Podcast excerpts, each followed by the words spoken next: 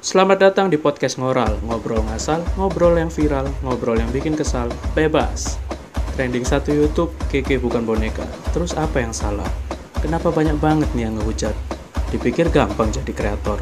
Terutama di tengah pandemi gini, di mana ada beberapa dari kita yang mungkin mendorong diri sendiri untuk terus produktif atau kreatif supaya bisa terus makan atau kompor di rumah tetap ngebul. Kalau emang pada gak suka karyanya sih bebas.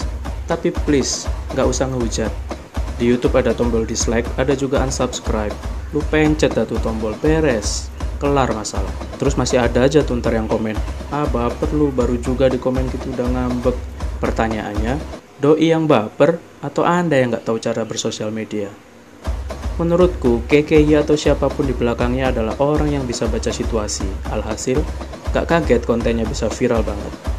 Thanks to KKI dan kontennya sudah melahirkan episode pertama dari podcast ini. Ciao!